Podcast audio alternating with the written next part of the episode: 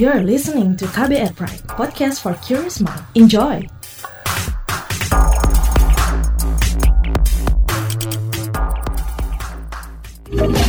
Kamu lagi dengerin What's Trending KBR Pagi.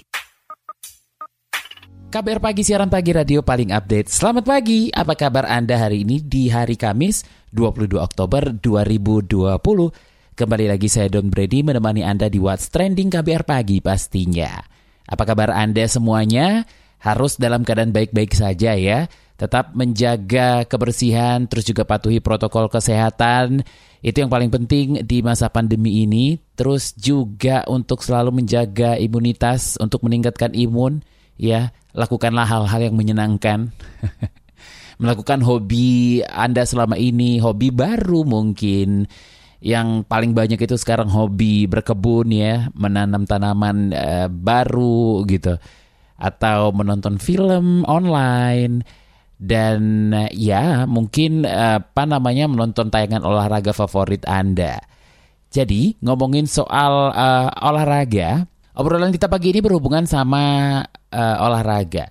Indonesia itu lagi bersiap jadi tuan rumah Piala Dunia U20. Sudah pada tahu dong. Nah, jadi Presiden Joko Widodo itu menginginkan agar penyelenggaraan Piala Dunia U20 di Indonesia tahun depan bisa berlangsung aman dari penyebaran virus corona atau COVID-19.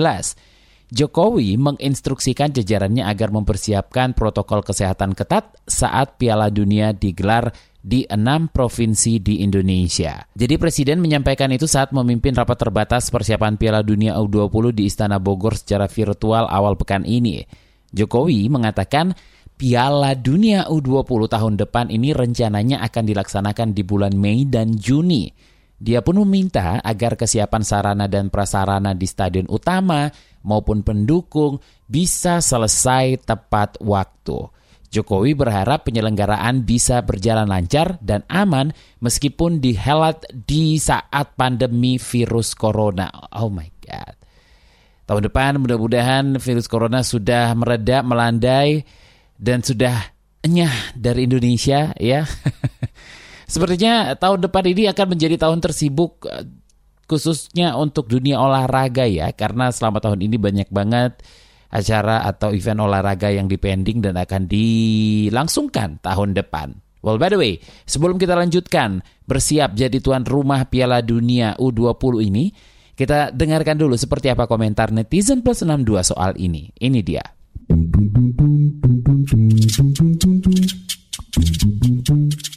Pertama, akun @irawardi bilang, Presiden Joko Widodo atau Jokowi memastikan pemerintah telah mempersiapkan protokol kesehatan yang ketat dalam menyambut gelaran Piala Dunia U20 2021. Sekadar informasi, Indonesia dipercaya FIFA menjadi tuan rumah Piala Dunia U20 yang digelar pada 20 Mei hingga 12 Juni 2021. Kalau akun @agung Harsha bilang, berita tadi malam putaran final Euro U19 2020 dibatalkan. Siapa wakil Eropa ke Piala Dunia U20? Akun Ed Apatoni bilang Inggris, Italia, Belanda, Prancis, dan Portugal otomatis lolos ke Piala Dunia U20 di Indonesia karena Piala Eropa U19 batal diselenggarakan. Akun Ed Vega Satria 11 bilang Liga aja nggak jalan pak, gimana mau tuan rumah wak wak wak. Akun Ed Haris Kurnia underscore A bilang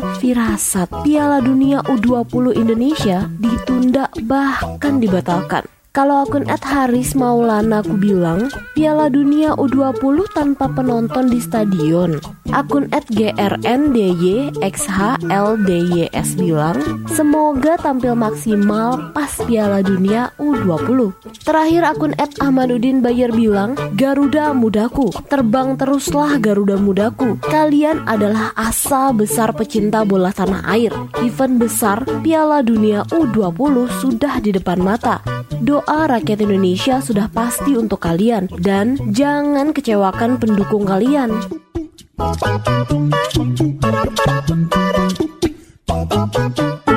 What's Trending KBR Pagi Masih di What's Trending KBR Pagi Kita masih ngobrolin soal bersiap jadi tuan rumah Piala Dunia U20 Jadi Presiden Jokowi itu ingin eh, Indonesia menjadi tempat yang aman untuk dikunjungi sebagai tuan rumah penyelenggaraan U20 tahun 2021.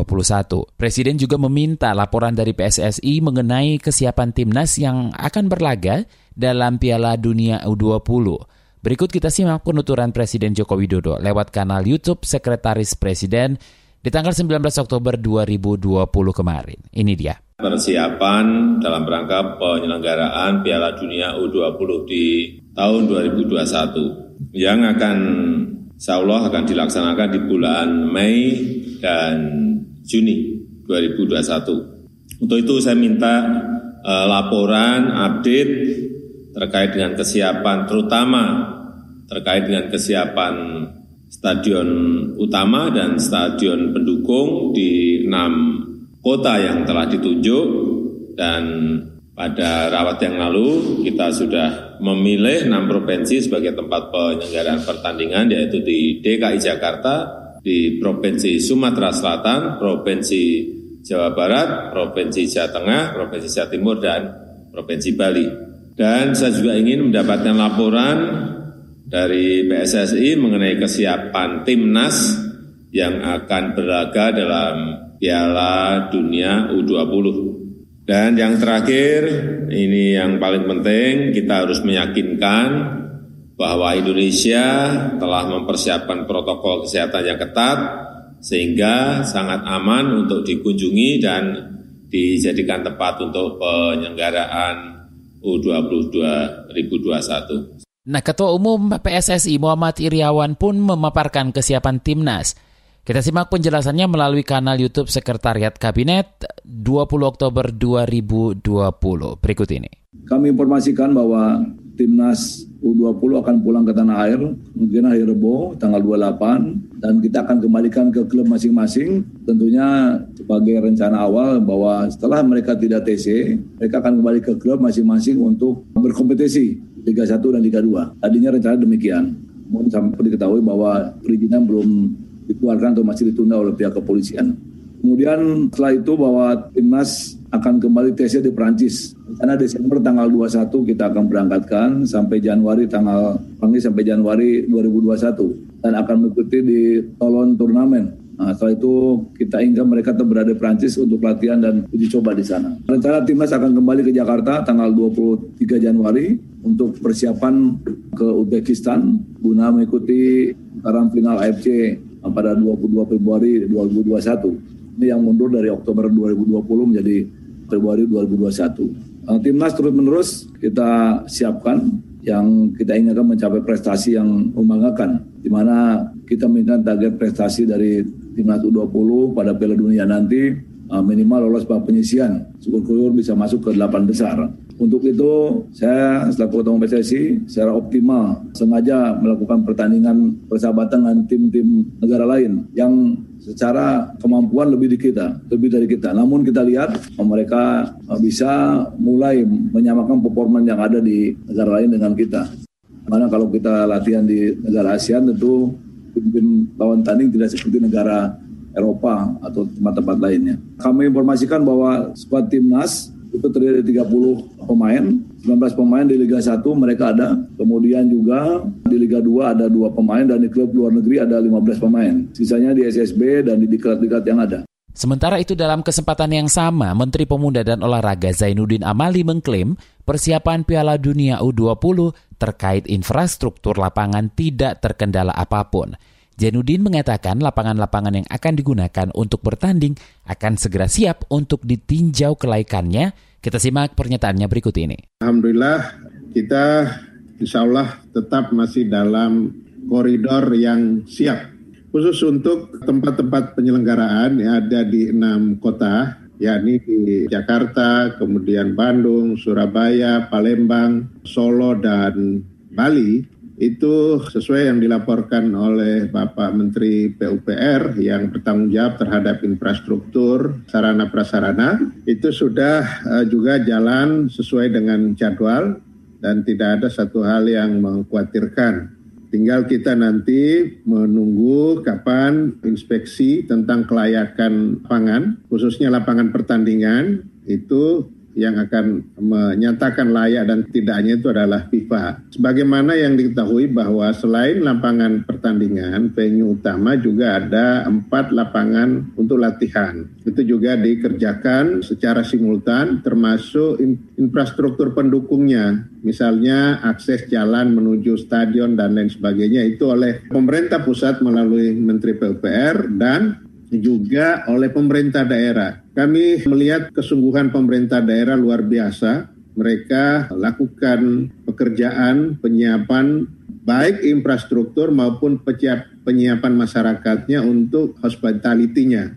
Kita berharap mudah-mudahan ini juga sebagaimana harapan Bapak Presiden dari, dan tadi diperkuat oleh Pak Menko, ajang penyelenggaraan Piala Dunia ini bukan hanya kegiatan olahraga saja, tetapi juga ada kegiatan turisnya atau sport tourism yang kami sedang dorong. Kita berharap supaya para pemain atau ofisial dari berbagai negara juga memanfaatkan kesempatan mereka datang ke Indonesia ini untuk menikmati Indonesia dengan berbagai kelengkapan yang bisa disuguhkan oleh beberapa pemerintah-pemerintah daerah. Itu dia tadi Menteri Pemuda dan Olahraga Zainuddin Amali, sebelumnya ada Ketua Umum PSSI Muhammad Iriawan, dan juga pernyataan dari Presiden Joko Widodo. Nanti kita akan ngobrol dengan, yes, pengamat sepak bola. Jangan ke mana-mana, tetap di What's Trending, KBR Pagi.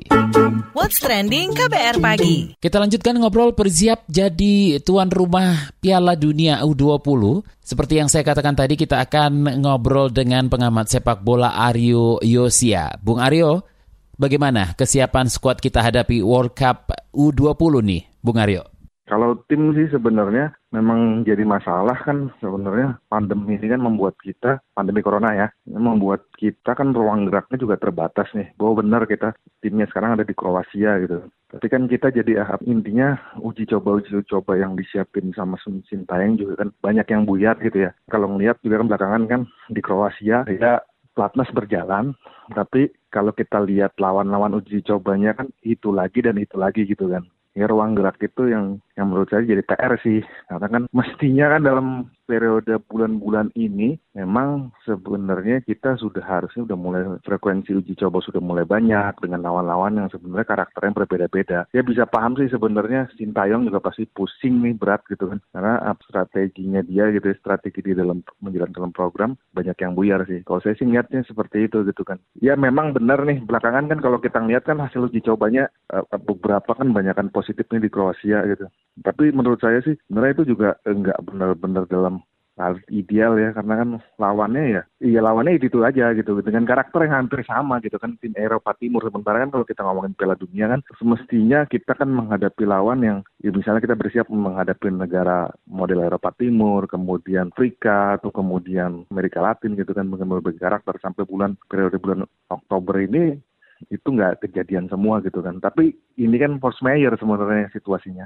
Nah Indonesia sebagai tuan rumah, bagaimana Anda melihat persiapan infrastrukturnya? Tantangan bagi Indonesia menyiapkan ajang ini di masa pandemi ini? Sebenarnya kalau saya malah melihat mana infrastruktur situasi di Indonesia sih sebenarnya on the track ya karena kan uh, kita lihat kan dari mulai tahun lalu kan memang kan beberapa stadion udah dipugar gitu kan. Cuma saya cuma itu makanya saya bilang bahwa sebenarnya masalahnya sebenarnya kalau saya lihat lebih ke timnya sih. Kalau infrastruktur sih on the track karena proses renovasi tetap jalan gitu kan. Itu sih gitu kan. Cuma memang tantangan nanti gini sih sebenarnya nih. Kekhawatiran saya nih justru itu situasi pandemi corona di Indonesia tuh sampai berapa lama. Karena kan itu juga yang akan, akan sangat berpengaruh ya karena kan kita juga nggak mau ya pada saat Piala Dunia U20 kan kita pengen juga rakyat Indonesia kan juga ingin, ingin menyaksikan langsung gitu kan. Cuma pertanyaannya apakah sampai pertengahan tahun depan situasi di Indonesia sudah membaik gitu kan karena kan bisa jadi loh kejadian seperti yang sekarang terjadi di Liga Inggris, di Liga Jerman dan macam-macam gitu kan. Event-event internasional yang di yang di, yang berlangsung di Eropa yang berjalan tanpa penonton gitu kan.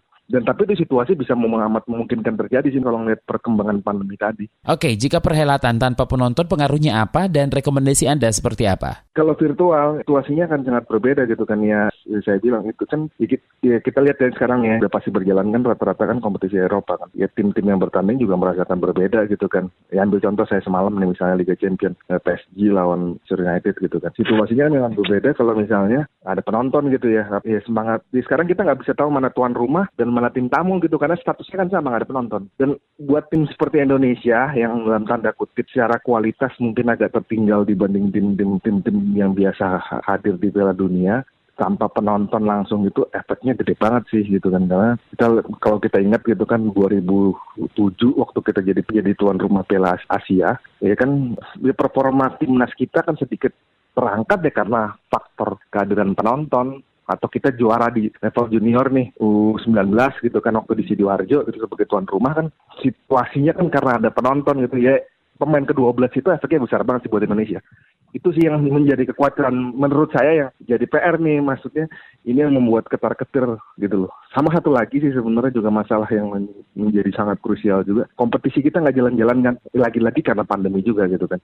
Pemain butuh kompetisi ya itu benar gitu loh. Ya mungkin cuma sekedar kita TC gitu kan pelatih jangka panjang misalnya sekarang dari Kroasia ntar dipindah ke mana lagi belum situasinya berbeda dengan ketika menjalani pertandingan kompetitif karena pertandingan uji coba dengan pertandingan kompetitif sekelas kompetisi itu kualitasnya intensitasnya berbeda gitu kan. Nah ini nih, Bung Aryo, kans kemenangan kita? Saya masih ngelihat kan target kita kan sebenarnya lolos dari penyisian ya. Itu juga masih belum bisa teraba karena kan gini, kita belum tahu struktur pembagian grupnya seperti apa gitu kan. Biasanya memang kalau di event-event ah, event sekelas FIFA ini, biasanya tuan rumah akan mendapat lawan yang nggak terlalu berat ya, biasanya ya, dari sisi undian gitu kan. Tapi ya tadi saya bilang gitu kan, ya semua ini bergantung ya faktor persiapan yang matang, ditambah kombinasi ya dalam arti bahwa keuntungan penonton dari sebagai tuan rumah gitu kan. Dan menurut saya agak menyedihkan sih sampai pada bulan Oktober ini semua nggak berjalan ya apa situasi agak buyar dengan kondisi pandemi corona. Oke, terima kasih pengamat sepak bola Aryo Yosia.